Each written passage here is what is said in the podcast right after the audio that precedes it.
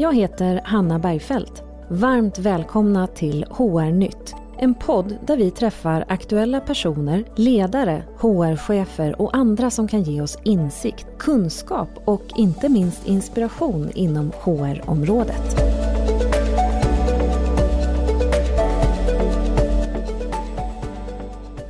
Han är både legitimerad arbetsterapeut och har en magister i ergonomi.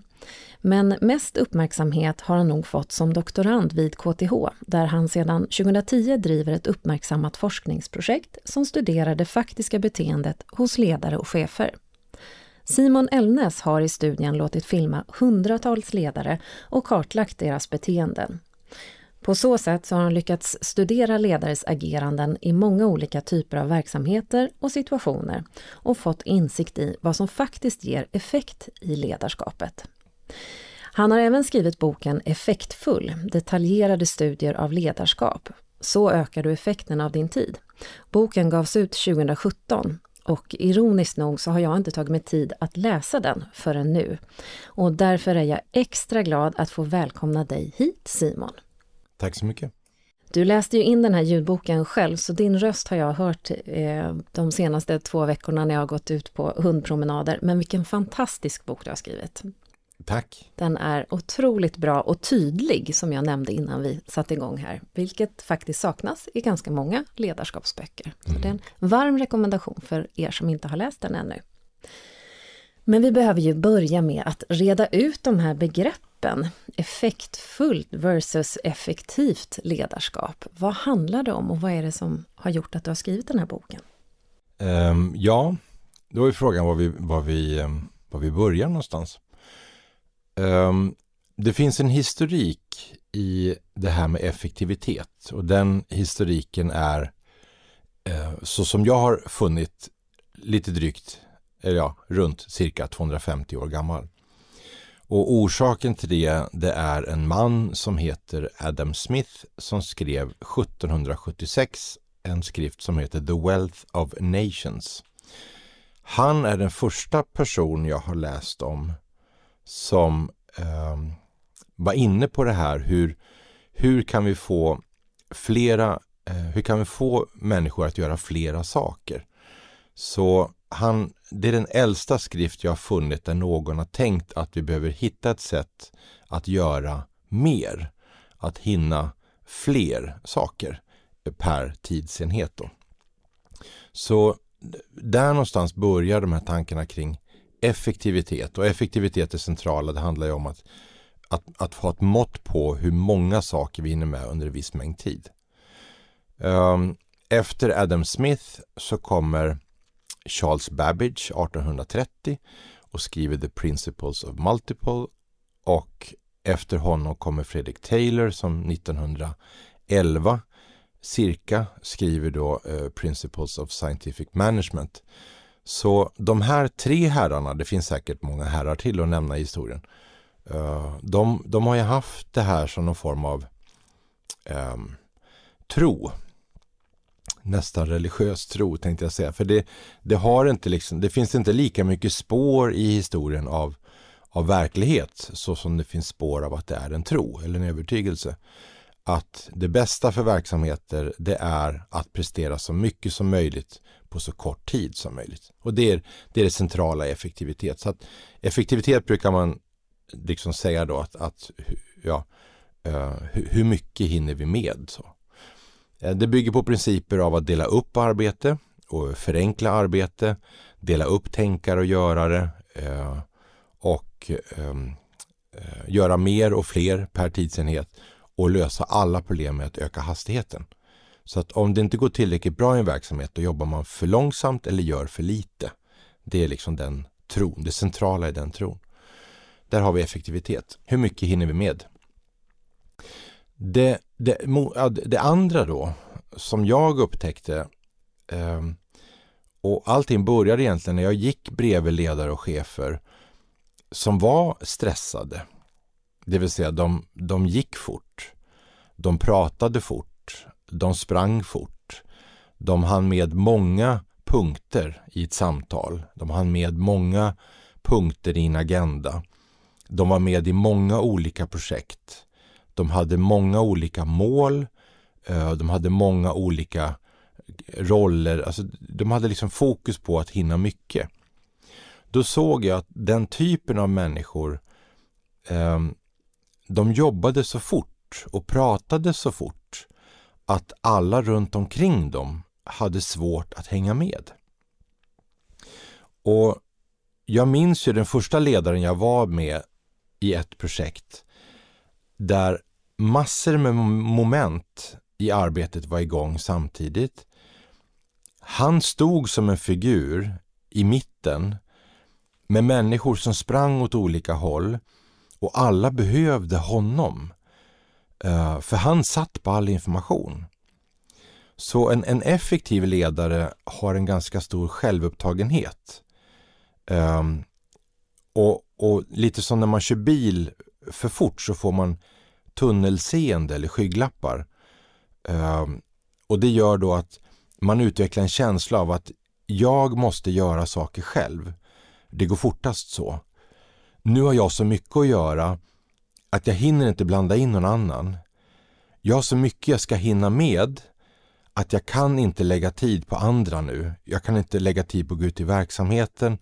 Jag kan inte lägga tid på att informera, skapa delaktighet, involvering, engagemang. så. Um, nu måste vi bara framåt. Tiden är knapp, aktiviteterna är många, hastigheten måste vara hög. Stör mig inte så. Um, så effektiva människor, de får liksom den här känslan av att det handlar om mig. Man får ökad självupptagenhet, ökat fokus på sig själv och vad man själv ska hinna med. Man börjar se att andra är ett problem, andra är bromsar mig, andra hindrar mig, andra är långsamma, andra förstår inte.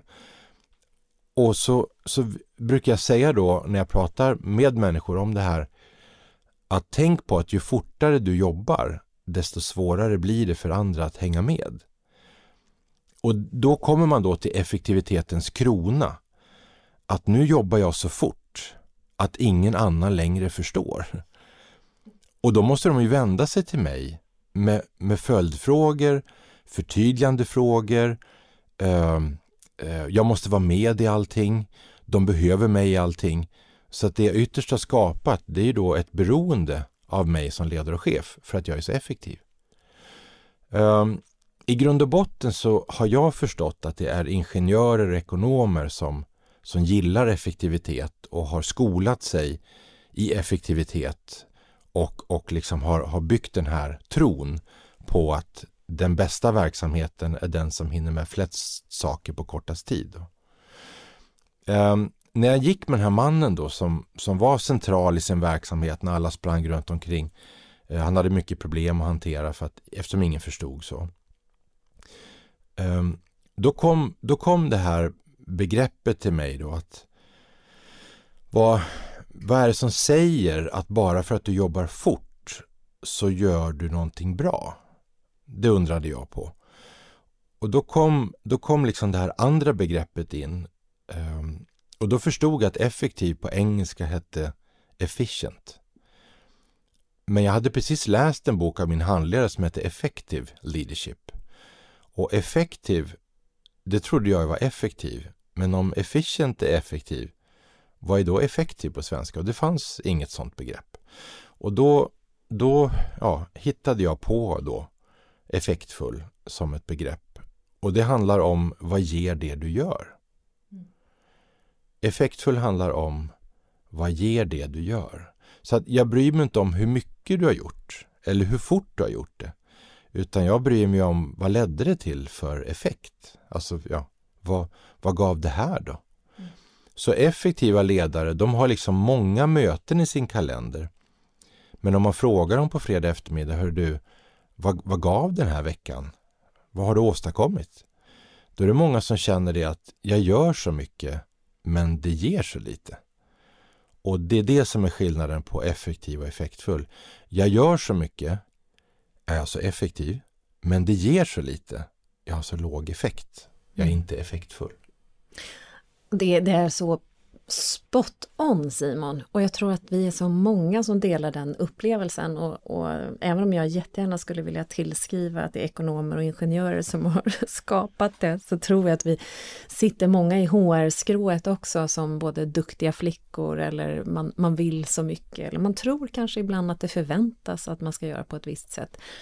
Och jag kan själv relatera till när jag har varit chef hur, hur dagar ibland har jag upplevt att det har varit som jag har varit på Gröna Lund och så poppar det upp nya saker, man ska stå och slå på saker, slå ner dem så fort som möjligt. Men det bara poppar upp nya vad jag än gör. Ja. Och det kan ju inte vara en rimlig verklighet för en chef och ledare och det blir framförallt inte effektfullt ledarskap. Jag tyckte också att din beskrivelse om de här kolibrifåglarna var fantastiskt bra i jämförelse med svalan. Kan du inte berätta? Eh, ja, jag, jag, kan berätta men jag har lite dubbla känslor i Jaha. det. Det var, det var mitt förlag som ville ha en, en metafor. Uh, och jag sa att jag tycker inte om metaforer. Nej. För metaforer blir sådär lite krystade, ansträngda och nära förknippat med det som kallas för floskler. Så jag sa nej. Men så kom jag på en dag att när jag tänkte just på den här mannen jag berättade om nyss. Tänk att det finns de som liksom gör så mycket men får inte ut effekten. Och att det finns då vissa chefer, ledare man träffar som verkar ha byggt någon form av självspelande piano i organisationen. De gör inte så mycket till synes, men de får väldigt mycket uträttat. Och då fick jag den här bilden då av man, man ska ha någonting liksom som jobbar väldigt hårt och inte kommer någon vart. Och så ska man ha någonting som inte gör så mycket men kommer långt liksom. Och så dök det upp det här då med en kolibri och en, en, en svala. Och så sökte jag på nätet bara väldigt sådär amatörmässigt och kom fram till då att en, en kolibri gör Minns du siffran? Nej, jag gör inte det. det um, Vi slår upp den någonstans. Nej, bakpå, bakpå. på baksidan där, sitter där. Då står det så här, en kolibri gör 80 vingslag per sekund, en svala gör bara 5. Så vem är bäst på att flyga? Den som flaxar mest eller den som får ut störst effekt av varje vingslag? Ja, och då, då såg jag där framför mig 80 vingslag per sekund jämfört med 5. Det är ju nästan en synbar skillnad. Så stor skillnaden är den. Uh, uh, och då, då tänkte jag då att det här är ju bra sådär. Alltså den, den är lätt att, att greppa, lätt att förstå. Men så har jag då en, eh, en farbror som är sån här hobbyornitolog, alltså han är hobbyfågelskådare. Han kontaktade mig och sa att jag fick tag på din bok nu i veckan. Sa han. Ja, vad, vad kul, sa jag. Och då sa jag, ja, sa han, det, det var kul. Men det var en grej jag tänkte på, som de där fåglarna du använt på baksidan, sa han, det, det stämmer inte riktigt faktiskt. Jag, jag, vet ju vad du menar och vad du är ute efter. Men, men egentligen så har ju kolibrin och svalan olika syften med sin flygteknik. Där båda har till syfte att skaffa mat. Um, och, och Vilket betyder att både kolibrin och svalan är väldigt duktiga på att flyga. Um, men de har bara olika syften. Uh, och då, då sa jag tack till honom. Uh, och så kände jag liksom vad, vad jobbigt det är med människor att de alltid ska ha åsikter om saker. um, men så, så, jag frågade då min farbror där vad, um, vilka fåglar skulle jag använt då? Nu när du vet vad jag är ute efter att förklara. Och då sa han, det är inte helt lätt men jag skulle tro att du skulle använt en fasan och en glada. Sa han.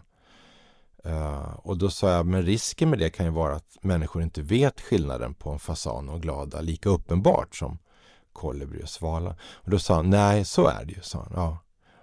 Och där slutade samtalet någonstans.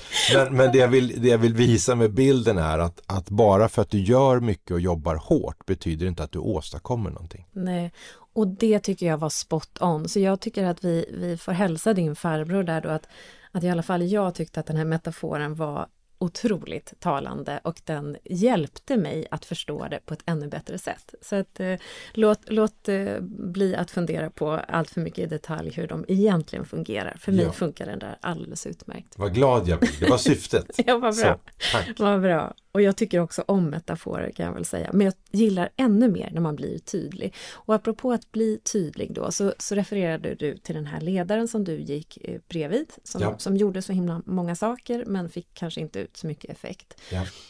Nu i er studie så har ni ju sett massa sådana beteenden och, och, aktiviteter som kanske ger mindre effekt men också det som ger mer effekt. Ja. Finns det några sådana gemensamma nämnare? Vad ger effekt? Uh, ja, det finns flera. Det här är ett jättekapitel som du öppnar upp nu. Mm. Um, vad ger effekt? Om vi börjar då i ena änden och säger så att allting som ledare gör ger effekt. Det, den, den är svår för många att acceptera för de tror bara att det, det är bara när jag är ute i verksamheten och träffar mina eh, organisatoriskt sett underställda medarbetare, det är då jag har effekt. Och du säger nej, du, du påverkar med allt det du gör. Så att om du är där så påverkar du. Om du inte är där och kanske borde vara där så påverkar det också. Allt du säger och allt du inte säger påverkar. Allt positivt påverkar, allt negativt. Så att allt, allt ledare gör så fort de är ledare har en effekt.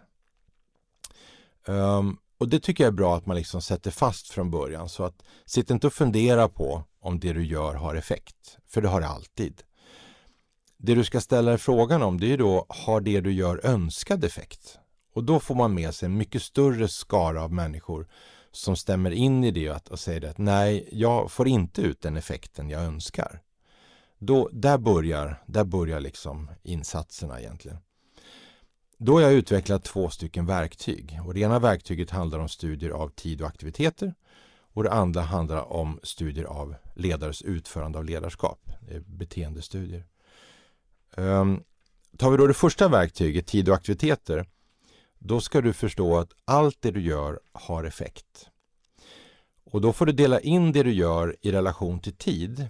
Och då finns det att du agerar tidigt, före, att du agerar under eller att du agerar efter ett skeende. Agerar du före så heter det att du är proaktiv. Agerar du under så heter det att du är aktiv. Och agerar du efter så heter det att du är reaktiv. Och när vi då följer ledare och chefer och kartlägger all deras tid från måndag till fredag så är det en intressant fråga. Hur stor del av veckan jobbar du proaktivt med dina aktiviteter? Hur stor del jobbar du aktivt här och nu? Och hur stor del jobbar du reaktivt efter att någonting har skett eller skulle skett och inte gick så bra? Um, svaret på den frågan skrämde oss lite grann för första linjens ledare eh, jobbar 65 procent av veckan eh, i genomsnitt reaktivt oplanerat. Mm. Det kallas för händelsestyrd tid. När ledare styr verksamheter eh, så kallas det för ledarstyrda verksamheter. När verksamheterna styr ledaren, det vill säga händelserna styr ledaren, så kallas det för händelsestyrd verksamhet. Så 65 procent av veckan är händelsestyrd för första linjens ledare och 46% för första linjens chef. Um, och i det så upptäcker vi då att det verkar som att händelserna styr ledaren mer än ledaren styr händelserna. Och då, då kan man ställa sig den frågan, vill vi att det ska vara så? Och då säger en del av våran kropp som gillar adrenalin och sånt, eh, då säger kroppen, ja men det är ju härligt. Det är ju härligt att inte planera, det är härligt att inte ha en plan. Det är härligt att inte det går liksom i slentrianmässiga strukturer. Det är härligt att inte veta vad som ska hända. Det är härligt att ha att det händer grejer oplanerat, oförutsett eh, som man måste hantera. Det är härligt så. Men om man då skulle presentera det här för de här ingenjörerna och ekonomerna att här har ni byggt en organisationsstruktur för effektivitet och 65 procent av resurserna ni lägger in här Eh, blir inte som ni har tänkt det. Alltså det är händelsestyrt. Um, ehm, då, då förstår man då att det är en ganska skrämmande siffra och faktorn då som jag fört in där, det kallas för den mänskliga faktorn. Att oavsett vilken struktur du byggt, vilket system du har byggt, så kommer människor gå in här med sina tankar och känslor och göra lite som de vill. Så de skickar inte ut mejlet två veckor innan. De förbereder sig inte inför möten och samtal med medarbetare. De håller sig inte till agendor och strukturer. De tar inte besluten underbyggda på fakta och data som det är sagt utan de, de improviserar lite och känner efter lite och kör lite på volley och som det känns bra. För det är så härligt. Så, så, så i det här så har det visat sig då att medvetenheten om hur du använder din tid är viktig. Två timmar proaktiv planerad tid, om den används på rätt sätt, så har vi i flera situationer lyckats frigöra åtta timmar genom att införa två timmar proaktiv planerad. Har vi frigjort åtta timmar reaktiv händelsestyrd. Och så har vi frigjort 15 timmar. Vi har frigjort 18 och en halv timme och vi har frigjort 20 timmar. Så upp till en halvtidstjänst i tid, alltså i belastning, går att frigöra om man jobbar medvetet, proaktivt planerat två timmar i veckan. Så vi har många sådana exempel. Proaktiv planerad tid vinner alltid i stor dimension mot händelsestyrd tid. Även om det känns så härligt att jobba händelsestyrt så är det väldigt improduktivt. Ja, jag förstår verkligen och jag vet inte om det är så härligt alltid men kanske att det är någonting att man tror att man gör saker eller man tror att man är behövd. Det kanske, kanske är det. Eller så är det bara härligt. Det här avsnittet är sponsrat av Thrive Wellness Solutions. Alla arbetsgivare är enligt lag skyldiga att förebygga ohälsa och sjukskrivningar på arbetsplatser, vilket kan vara tufft att leva upp till. Med en digital hälsoplattform som bas hjälper Thrive arbetsgivare att skapa individanpassad och hållbar hälsa för sina medarbetare så att de både ska må och prestera på topp. Med oss idag har vi Annie Pettersson som är en av grundarna till Thrive och har en bakgrund som forskare på Karolinska institutet. Annie, berätta vad det är som skiljer er hälsoplattform från andra hälsolösningar. De flesta leverantörer av hälsotjänster fokuserar endast på ett eller några av de fyra klassiska hälsoområdena som är träning, stress, sömn och kost. Plattformen är unik eftersom vi utbildar och guidar medarbetarna till att kartlägga, förstå och förbättra sin hälsa inom hela nio livsstilsområden som forskning visar alla är viktiga, både för hur vi mår och hur vi presterar. Medarbetarna får individanpassad rådgivning via plattformen, men vi kan också skala upp våra tjänster efter arbetsgivarens behov med till exempel hälsocoaching. Nio livsstilsområden alltså, vilka är det? Ja, utöver träning, stress, sömn och kost så belyser vi också mag-tarmhälsa, teknik och vardagsberoende, fokus och uppskjuta beteende, dygnsrytm och mening och relationer. Det låter ju jättebra, men kan du inte berätta vad företag har att vinna på att använda er lösning? Ja, först och främst så lever de ju upp till de lagkrav som finns om att förebygga ohälsa på arbetsplatsen och sänker kostnader förknippade med ohälsa i form av till exempel låg produktivitet och sjukskrivningar och nyrekryteringar. Och kanske använder många företag idag redan en dyrare, mer reaktiv eller mer krävande lösning. Och då kan de minska kostnaderna och få en heltäckande proaktiv lösning via plattformen. Det verkar finnas väldigt många fördelar, men vad krävs då som arbetsgivare? Med vår lösning så får man en smidig och smart hantering av företagets hälsoarbete. Och det är enkelt att komma igång med plattformen och insatsen från arbetsgivaren är väldigt låg. Vi utbildar och inspirerar medarbetarna till livsstilsförändringar. Vi tar hand om administrationen och vi levererar löpande rapportering av hälsoutvecklingen över tid för företaget som helhet. Arbetsgivaren behöver alltså inte själv vidta åtgärder baserat på resultaten, utan det hanterar vi via plattformen. Och vad kostar det då? Man betalar endast 79 kronor per medarbetare och månad för tillgång till plattformen, plus en uppstartskostnad som varierar med storleken på bolag. Men då ingår också en inspirationsföreläsning för att kickstarta företagets hälsosatsning. Fantastiskt. Men hur gör man om man nu som arbetsgivare tycker att det här låter intressant och vill veta mer? Då går man in på thrivews.se och skriver till oss via kontaktformuläret. Och visst är det också så att det finns en länk på HR Nytts hemsida och även i nyhetsbrevet som gick ut inför det här avsnittet. Det stämmer. Men du, vad ska man göra på den här proaktiva tiden då? Vad behöver man göra för att göra den här förflyttningen? Um, det vi gör, det är ju att vi går bakom chefer och ledare måndag till fredag och registrerar allt de gör. Och då blir det cirka 1000 registreringar. Så ungefär 1000 olika fokus har en ledare och chef under en vecka. Um, det ger 200 växlingar i fokus per dag. Och det här är inte något vi skattar utan det är någonting vi har mätt. Vi mäter. Um, vi vet hur många frågor chefer och ledare får, vi vet hur många störningar i fokus de får och vi vet hur många olika aktiviteter de gör. Så, så um, vi, vi har ju sett, vi har sett vad ledare och chefer gör eh, och då får vi listor med aktiviteter.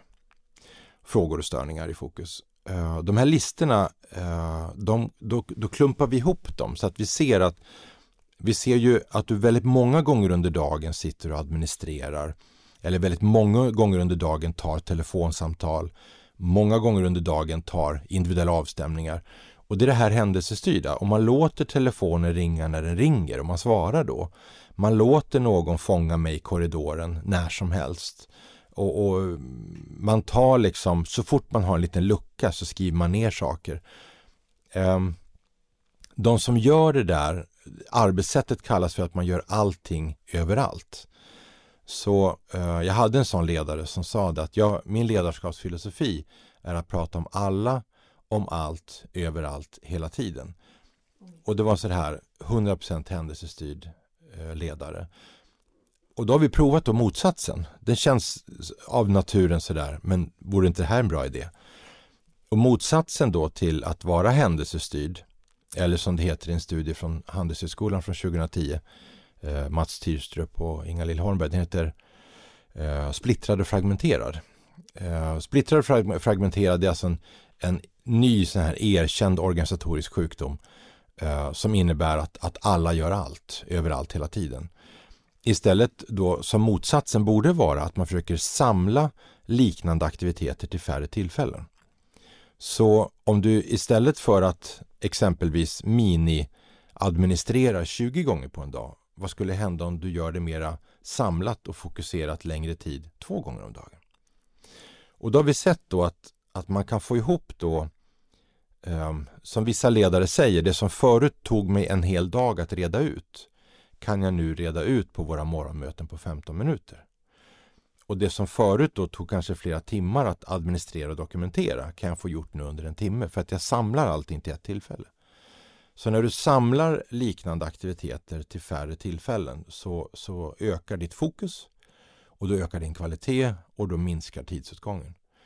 Så på det här sättet så har vi liksom komprimerat dagarna åt ledare genom att ta bort eh, element av splittring och fragmentering och istället jobba med samlat fokus. Så samlat fokus kanske är motsats till splittring och fragmentering. Så gör vi då det och så skapar vi fem fokus för ledare under en dag istället för att man har 24.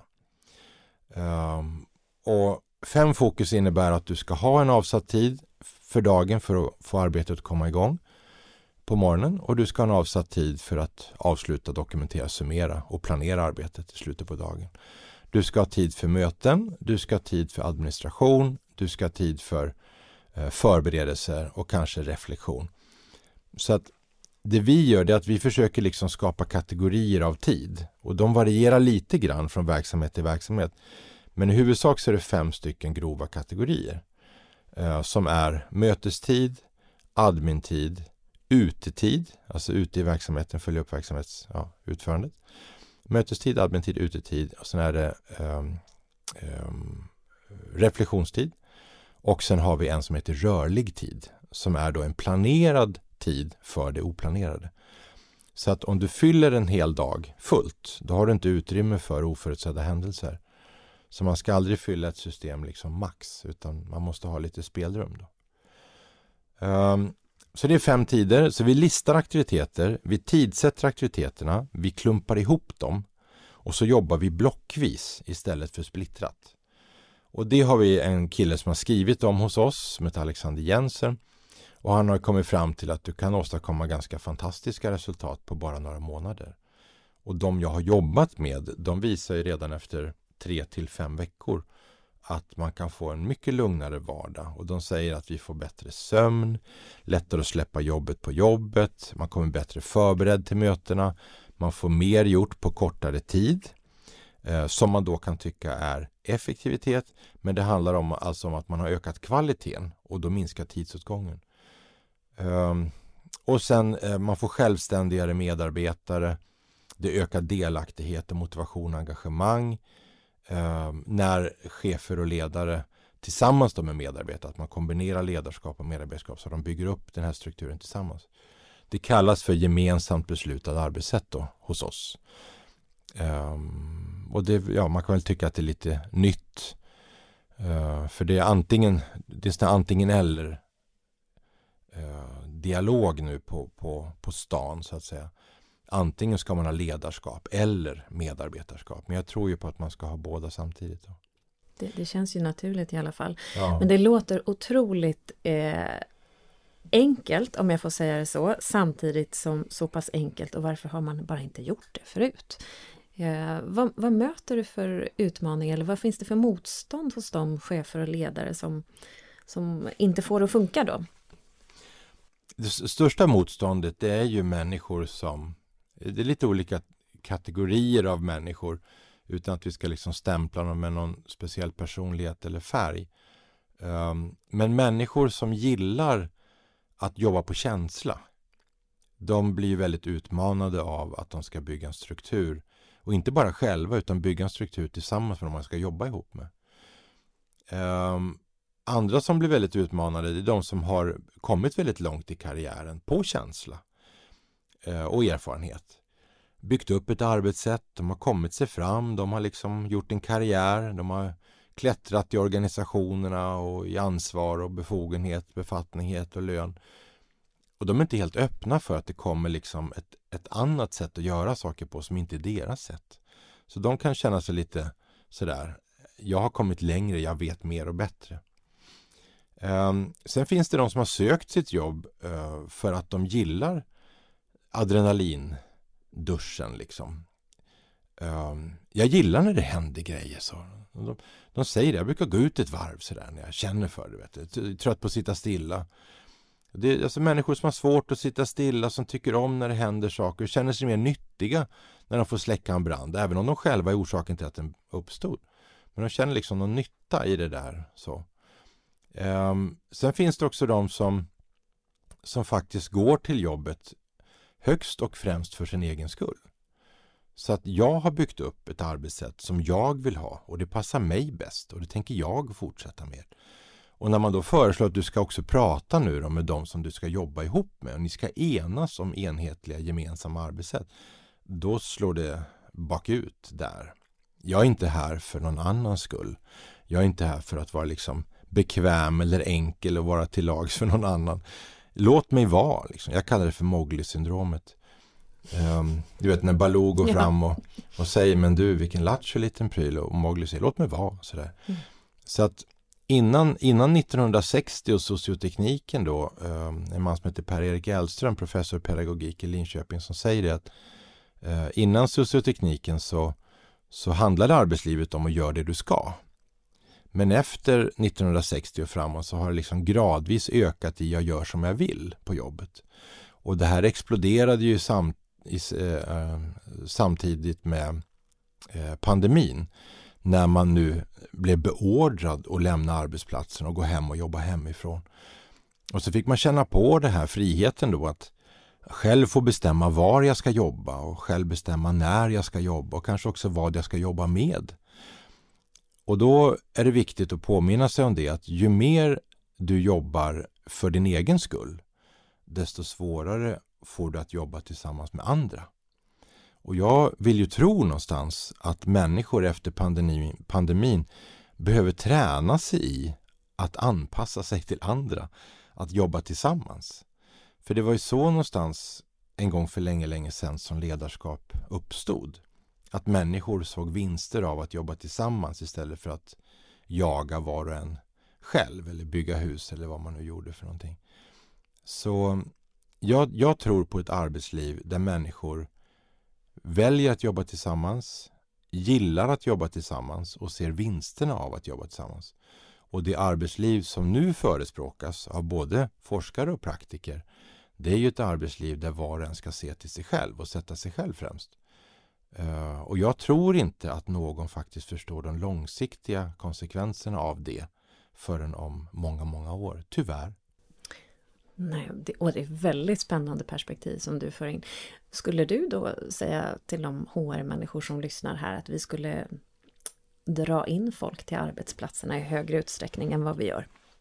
Jag tror inte att det centrala ska vara ordet dra in. det, känns, det känns lite omänskligt. Ja. Um, men det är faktiskt... Locka in. Eh, Nej men jag, jag, jag, tror, jag tror någonstans att, att människor Jag tror att människor blir bra på det de tränar på. Så det vi gör mycket av, det är det vi blir bra på och det är det som känns som vi är vana vid och det är det vi har minst motstånd kring och det är det som liksom har integrerats i vårt psykologiska, fysiologiska system. Det här så här vill jag leva mitt liv, här vill jag bo, det här vill jag göra, det här vill jag äta och så. så man, man, man skapar sina vanor. När man skapar nya vanor så känns det alltid någon form av obehag i det eftersom det känns nytt och det har inte satt sig i de här systemen då som är skillnaden mellan beteende och vana. Beteende är det vi gör och vana är det vi är vana att göra. Och vana betyder då att tanken har vant sig vid det, känslan har vant sig, det är något fysiskt, det är, det är muskelspolar, det är rörelseminne, det är saker liksom som ska sätta sig. Um, och är du då van att jobba på ett kontor, då är det det du är van vid. Nu har de vant sig att jobba hemma. Så jag tänker i, i övergången här så är det ungefär som att se det som ett, ett rehabsamtal. Att sitta ner med sina medarbetare och säga du, nu har du varit hemma här under en period eh, och känt hur det känns. så. Ehm, men säkert är det så att du vet att det finns fördelar med att vara på en fysisk arbetsplats. Eh, men det finns säkert också nackdelar. Och så får man prata då om fördelarna och nackdelarna med en fysisk arbetsplats fem dagar i veckan.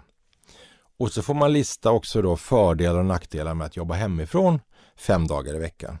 Och så får man då se vad ska vi göra med nackdelarna med den fysiska arbetsplatsen? För det, det tycker jag måste bli arbetsgivarens ansvar. Och då har jag sagt det här och vissa har ju då valt att eh, störa sig på att jag sa det. Jag har sagt så här att om en arbetsgivare har utformat en arbetsplats på ett sätt så att medarbetare inte vill vara där och säger sig heller inte kunna jobba där. Man får alltså mer gjort hemma. Då har ju arbetsgivaren misslyckats. Och sen tycker jag då att man ska lista fördelar och nackdelar med att vara hemma. För jag, man måste också hjälpa medarbetare att se att det är faktiskt saker som inte är bra med att vara hemma. Eh, det kan vara att platsen, att du inte hittat en bra arbetsplats. Det kan vara att du inte får jobba så ostört. Det kan vara att du inte får det här överhörningen eller det här outtalade eh, samarbetet som sker på fikaraster och liknande. Um, och så får man då se, okej, okay, hur kan vi då bevara det som är positivt med att jobba hemifrån och hur kan vi öka det som är positivt att jobba på en arbetsplats? Sen är inte jag, jag är ingen person som säger att människor måste gå till en arbetsplats fem dagar i veckan. Uh, jag kan absolut se att det är skönt någon dag att sitta någon annanstans. Men det finns två saker som är rejält farliga i det här.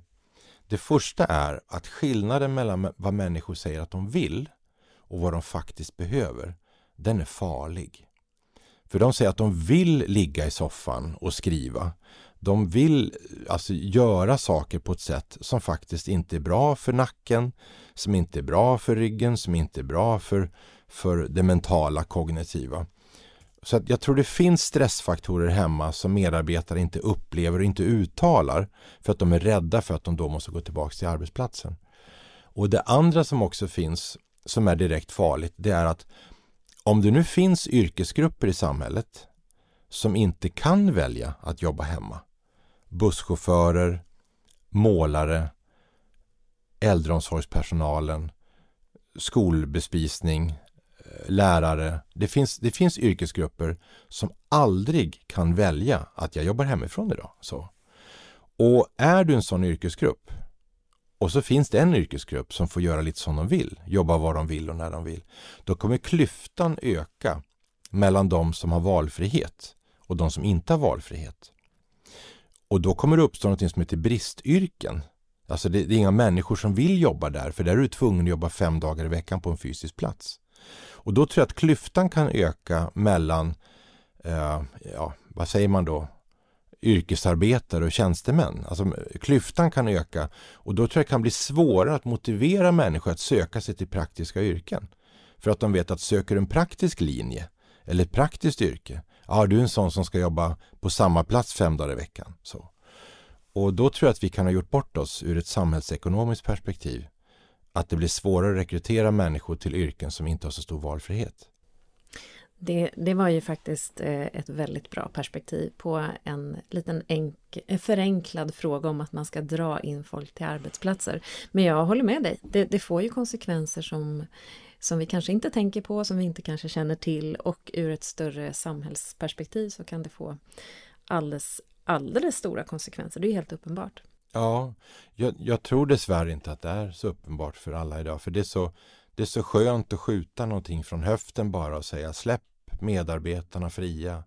Låt dem få bestämma var de ska jobba och när och hur mycket. Och det finns ju någon form av medarbetarrevolution eller individuell frihetsrevolution som pågår just nu. Men jag tror att man behöver vara lite mer sansad i det, tänka på mycket längre perspektiv. Eh, så jag är säker på att de flesta kommer hitta en balans. Men jag tror inte att man ska liksom driva teser för hårt innan, man, innan verkligheten med, med data och, och fakta har kommit ikapp. Liksom. Blev det här verkligen så mycket bättre? Um, och sen finns det olika initiativ, liksom, att människor ska jobba fyra dagar i veckan med full lön. Uh, efter det kanske tre dagar i veckan och sen två och sen en och sen inte alls med full lön. Och man, det är alltid farligt det där att fråga människor vad de vill. För att det de vill sitter inte nödvändigt ihop med det de alltså mår bäst av. Mm. Så man måste vara lite så här sansad. Vi, och jag vet att Sverige är tråkiga och kända för det att vi vill ju begränsa människors drickande. Vi vill begränsa människors rökande. Vi vill begränsa människor liksom lagligt i vad de får göra och inte får göra. Och, men just när det gäller arbetslivet så ska vi släppa allting fritt. Mm. Och det, det är lite naivt och tro liksom att om vi bara tittar på hur mycket pengar domstolsverket omsätter och hur mycket som statens institutionsstyrelse omsätter, hur mycket Polismyndigheten omsätter, Tullverket. Alltså ta de här stora myndigheterna som arbetar med människor som tar sig för stora friheter. Um, vi, vi, måste någonstans förstå att allting finns i människans natur. Människor har bra sidor. Men människor vet inte alltid heller sitt, sitt eget bästa. Och när de får liksom helt fria tyglar att göra vad de vill. Jag vet inte om vi är redo liksom att ta de konsekvenserna. Så att jag tror att man behöver liksom gradvis presentera människor för förändring. Och jag tror att det kanske gick lite för fort i pandemin. Att man fick det här behovet av individuellt frihetsutrymme. Så att nu slog pendeln lite för mycket åt det hållet. Mm. Så att när allting kommer till sans, då mår nog jag bäst och är gladast. Liksom. Så är det säkert för, mm. för de allra flesta. Men om vi tar håller oss fast vid, lite vid det här med frihet och så och, och kopplar ihop det med effektfullt ledarskap. Mm. Eh, så tänker jag att i de tillfällen där jag själv har varit eh, ledare och chef så har jag upplevt att Ja, men jag har nog faktiskt försökt lite grann att, att sätta en struktur för min kalender och blocka tider så har man alltid någon, antingen i sitt eh, direktrapporterande team eller en kollega i ledningsgruppen som eh, gör anspråk på ens tid. Mm. I alla fall jag har mm. inte varit tillräckligt duktig då på att hålla kvar den där styrningen utan helt plötsligt så har jag hamnat i och känt att oj, jag, jag utgår ifrån någon annans behov eller det är någon annan som styr min mm. tid. Eh, jag kan tänka mig att jag kanske inte är ensam i det, utan det finns kanske någon mer än jag. Du, du ser lite fundersam ut, det kanske bara är jag då som just har blottat mig. Men, men förutom att dela upp tiden i kalendern för, för vissa arbetsuppgifter, mm. så finns det också perspektiv som man som ledare förväntas göra eller bidra med Eh, jag tänker på att injicera motivation eller energi eller eh, finnas där för människor när de behöver det. Ehm, hur hanterar man den typen av frågor? Ska man då göra det på den där schemalagda tiden? Eller hur, hur funkar det i praktiken för de ledare som har lyckats få till det på ett bättre sätt än vad jag uppenbart har gjort? Um, om jag förstod din fråga rätt. Världens längsta, så det kanske inte gjorde, men jag försökte beskriva min egen upplevelse. Ja. Om jag förstod din, din uh, fråga rätt, mm. um, är det alltså, um, ser du en, ja, du ser en vinst i det spontana uh, och det här med att vara tillgänglig när andra har behov? Nej, jag, tror, ja, jag fattar ju att det är så det låter. Men jag tror att det kan ligga i att jag, jag har en tanke om att det förväntas av mig som ledare. Att finnas tillgänglig för en kollega som behöver sparra om någonting och den mm. personen kan inte sparra den frågan just när det passar i min lilla slott i kalendern. Det, fin det, finns flera saker att säga kring det. Uh, det första är att om någon har ett behov av dig när du inte har avsatt tid för det, lite elakt uttryck, då har ju du missat det proaktiva planerade arbetet. Du har proaktivt missat att se det behovet. Um, och då, då, då är det så. Det andra steget det är att du har ju då, om du har jobbat lite sådär föredömligt så som vi ser att man skulle behöva, då har ju du rörlig tid i din kalender. Och då kan du antingen då när personen kommer hänvisa till, vet du vad, att vid tvåtiden varje dag så har jag luckor inlagt för just sådana här saker. Och då är det de som säger att det blev bättre av att jag hänvisade personen till en fast tid. För då hade personen möjlighet att förbereda sig bättre, jag förberedde mig bättre och då ökade kvaliteten på vårt samtal. Alternativ två, det är att se sitt sin, sin arbetskalender lite grann som ett sånt här spel där man, ja men då, då puttar jag den här aktiviteten 30 minuter bara och så lägger jag in dig här. Men det finns en fjärde del av det också och det är att om människor lär sig att de kan komma när som helst till dig, då kommer du eh, på sikt då att bidra till att de förbereder sig sämre. De, de vet att de behöver inte respektera dina tider, för du är alltid tillgänglig och du lär dem att de kan komma oförberett med saker och du tar saker på volley, vilket leder då till en sämre kvalitet. Så, så jag tycker att det är bra att hänvisa människor till fasta tider. Jag förordar att ha inbokad oplanerad tid dagligen och annars kan man ju möblera om i sitt schema. Men det jag tycker är intressant här, eh, det finns en, eh, också den här Per-Erik Elström som har skrivit om frihet och tydlighet. Eh, han lyfter en, en del som jag tycker är intressant och att det är att Sveriges och svenskarnas tolkning av begreppet tillgänglighet är snarare att se som gränslöshet. För tillgänglig betyder ju inte att vem som helst, när som helst får komma och fråga dig om vad som helst och hur som helst. Utan tillgänglig betyder att alla vet var du är, vad du gör och när det passar att komma med saker. Det är att vara tillgänglig. Jag, jag vet var min chef är. Jag vet vad hon gör och jag vet när det passar att gå till henne. Hon är tillgänglig för mig. Skulle det vara något akut så vet jag att hon kan möblera om. Men där behöver jag ett samtal om vad akut faktiskt betyder. Uh, har du överstrykningspenna är inte akut. Så på den nivån har vi varit i en hemtjänstgrupp som jag jobbar i. För det tyckte medarbetarna att, att behöver man en överstrykningspenna då är det akut. Då får man störa chefen i ett möte. Um, så jag, jag tycker då att tillgänglighet betyder att det är tydligt när du finns för andra. Men det måste också vara lika tydligt när du behöver sitta med egna arbetsuppgifter. Och säger man då att det viktigaste är att vara tillgänglig hela tiden så säger man ju också då indirekt att jag har aldrig egna viktiga arbetsuppgifter där jag måste sitta och jobba ostört. Och det är ju lite orealistiskt. Så jag tycker någonstans kan man säga att jag har en uppgift att finnas för andra. Men jag har också uppgifter där jag ska sitta och jobba med egna arbetsuppgifter. Där jag kräver, som kräver fokus, som kräver koncentration och ostörd sammanhängande tid för att göra ett kvalificerat jobb. Då. Och då måste man som chef och ledare säga att, eller i dialog då med medarbetarna säga att när under dagen passar det er att jag sitter med mina uppgifter och när under dagen ser ni helst att jag finns tillgänglig för er? Och så har man en dialog kring det här och de chefer som provar det, tydlighet kring tillgänglig för andra och tillgänglig för mig. en, en ökad tydlighet i det. De säger att medarbetarna har mycket lättare att respektera min tid när de vet när den ligger. Och där kommer det här tillbaka då att det finns fördelar av att ha en struktur. För det är bara då medarbetaren kan respektera din tid. Om du inte har någon struktur, då vet de inte var du är. De vet inte vad du gör, för det varierar hela tiden. Och då går de och stör dig oftare. Och det minskar produktiviteten. Jag önskar så att jag hade läst den här boken för några år sedan som sagt. Men, men eh, väldigt bra och konkret eh, Simon.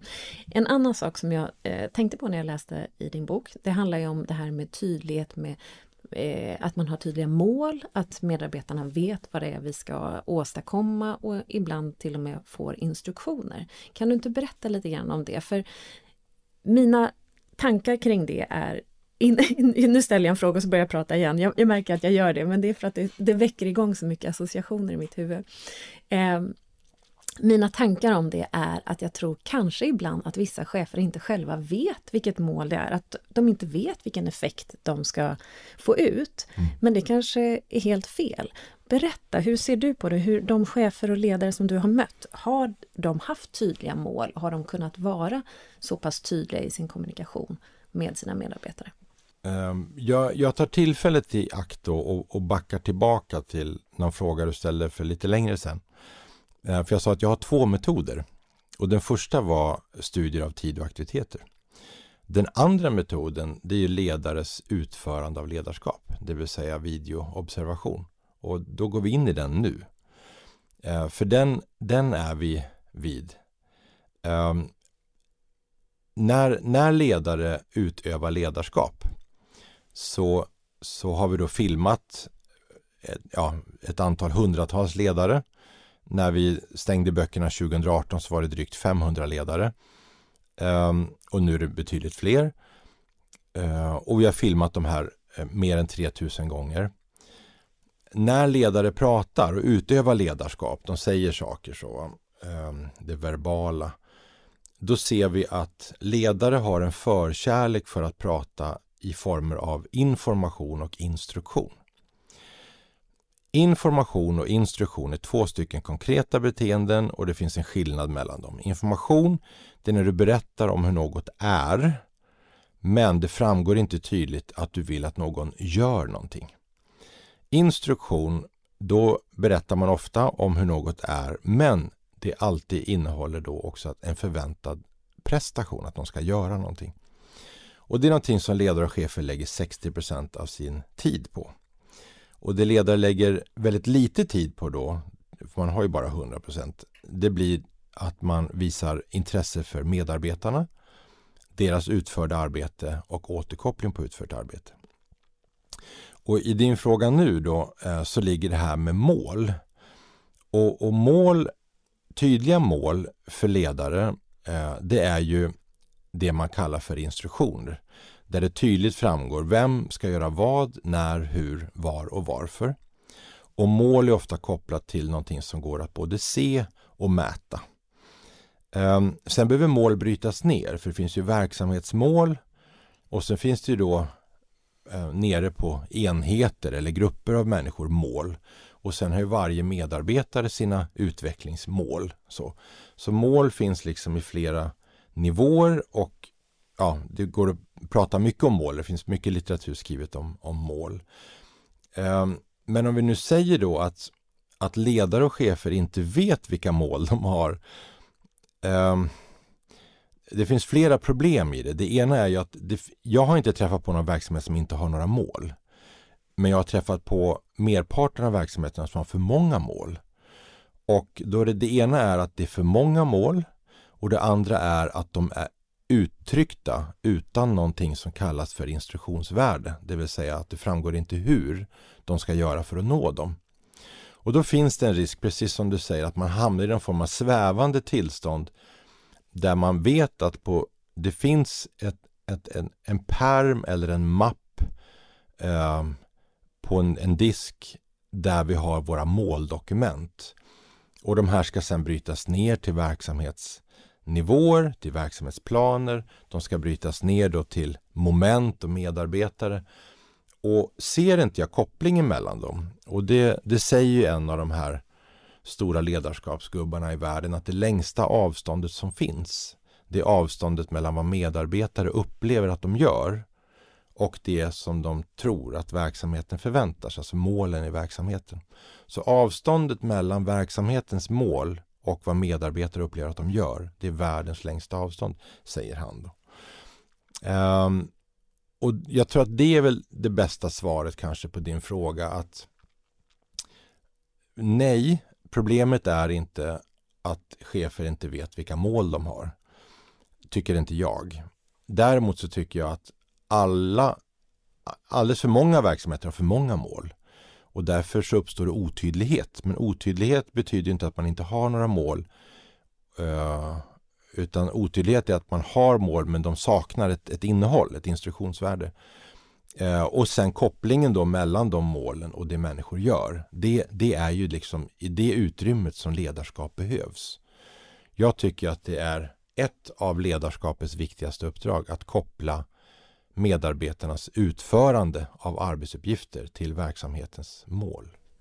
Och det måste ju vara helt avgörande för att veta om man har fått en effekt av det man gör, tänker jag, oavsett om man är medarbetare eller ledare. Helt avgörande. Annars kan man ju bara göra saker hela dagarna. Och det är det de flesta gör. ja, det var det jag misstänkte. Men du Simon, hur är du själv som chef då? Jag är ingen chef. Nej, hej. Har du varit chef? Jag har varit chef. Hur var du då som chef? Ehm, jag var ehm, Jag var inte redo att bli chef. Jag anställde människor för att de ville bli anställda och jag hade behov av anställda. Men det jag märkte då var att när jag då har anställda, då måste jag avsätta tid för att vara ledare och chef. Och all tid jag avsätter för att vara ledare och chef är ju tid då som tas från det som jag vill göra. Det vill säga föreläsa, skriva böcker, utbilda, handleda och bedriva forskning. Så jag, eh, jag hade inte längre tid att göra det jag ville. Och då pratade jag med två stycken eh, personer som jag ser upp till och tycker om. Och då sa de det till mig, men varför anställde du då folk? Och då kunde inte jag svara på det. Eh, och sa bara att eh, nej, jag bara vet att det här blev fel. Liksom. Så jag ska inte ha anställda. Eh, jag har aldrig känt att jag vill vara chef. Vill vara ledare. Eh, men däremot tycker jag det är väldigt roligt att hjälpa andra att bli chef och ledare. Så som mest hade jag elva anställda. Wow. Ja, men det, och vilken, vilken insikt. Jag brukar ju alltid så här avslutningsvis fråga om misstag som man vill dela med sig av. Känner du att det där är ett misstag som, som du gjorde eller finns det andra misstag som du vill dela för lärandets skull? Jag, jag, tycker inte att det var ett misstag, för det är ingenting som har lärt mig så mycket om mig själv som det. Så jag ser det inte som ett misstag, jag ser det som ett lärande. Um, så att om man ska lyfta ett misstag som jag gör upprepat varje dag, varje vecka och som jag ser är den största svarta plumpen i forskning kring ledarskap så är det att man litar på att det människor säger stämmer. Mm. Vad det, menar du då? Eh, självinsikt och medvetenhet.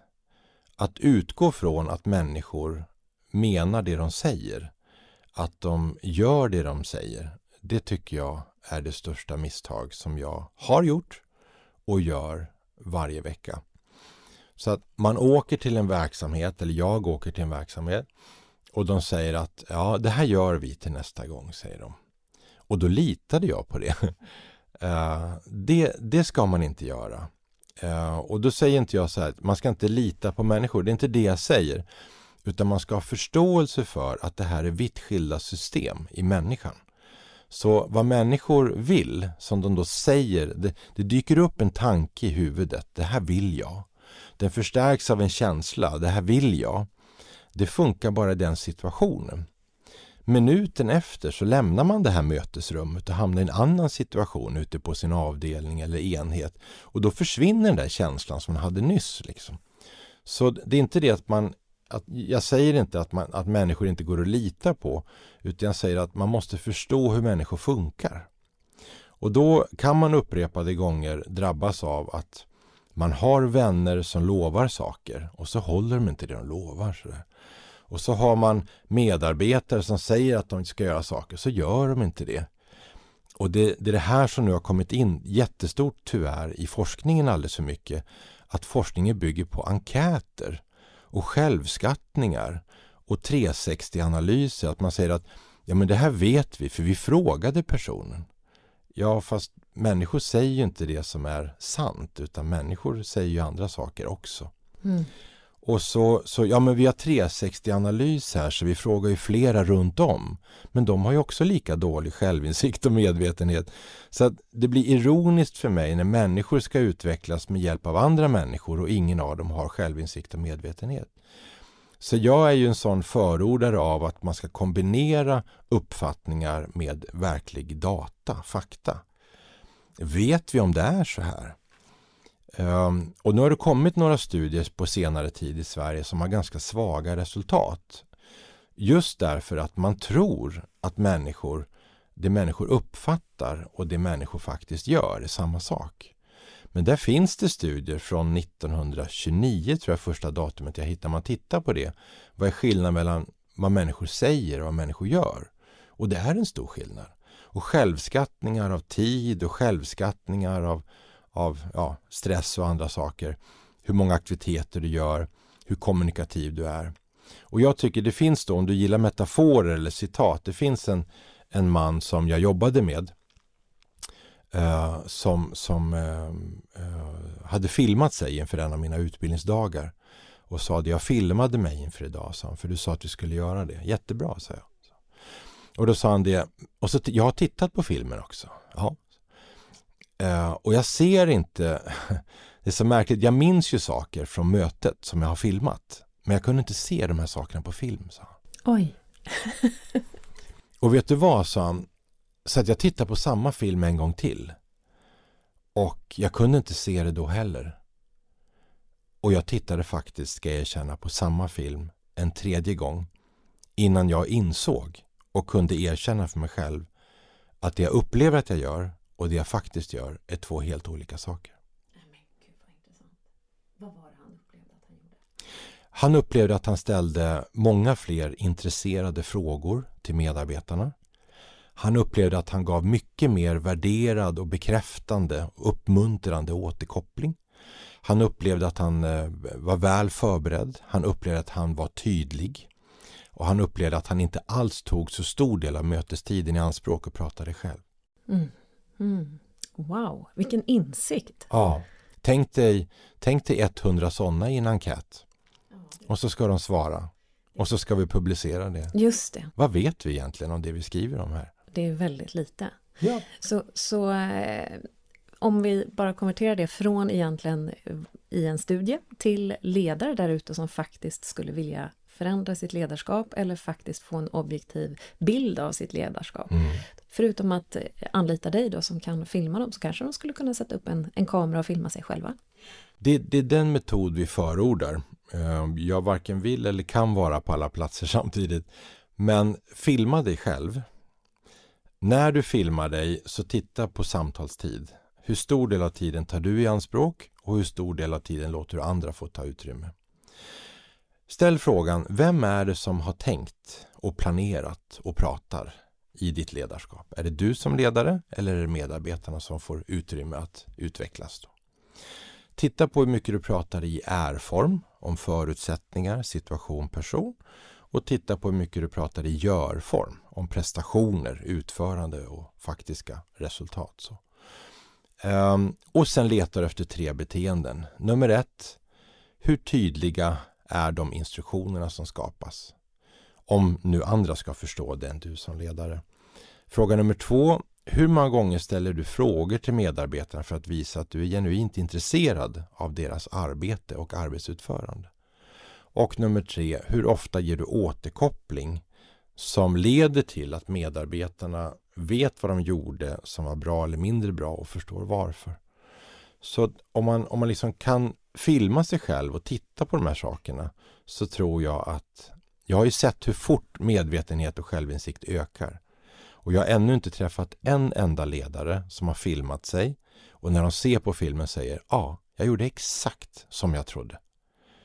Eh, alla ser någonting som de kan utveckla och om alla bara tog ansvar för att filma sig, utveckla de bitar de inte tycker är så bra, så skulle vi få en mycket snabbare utveckling på ledarskapet i Sverige än att sitta och prata om hur saker är. Mm. Mm. Ja, och jag sitter och tänker så här att eh, åh vad obekvämt att se sig själv på film, var mm. min första tanke.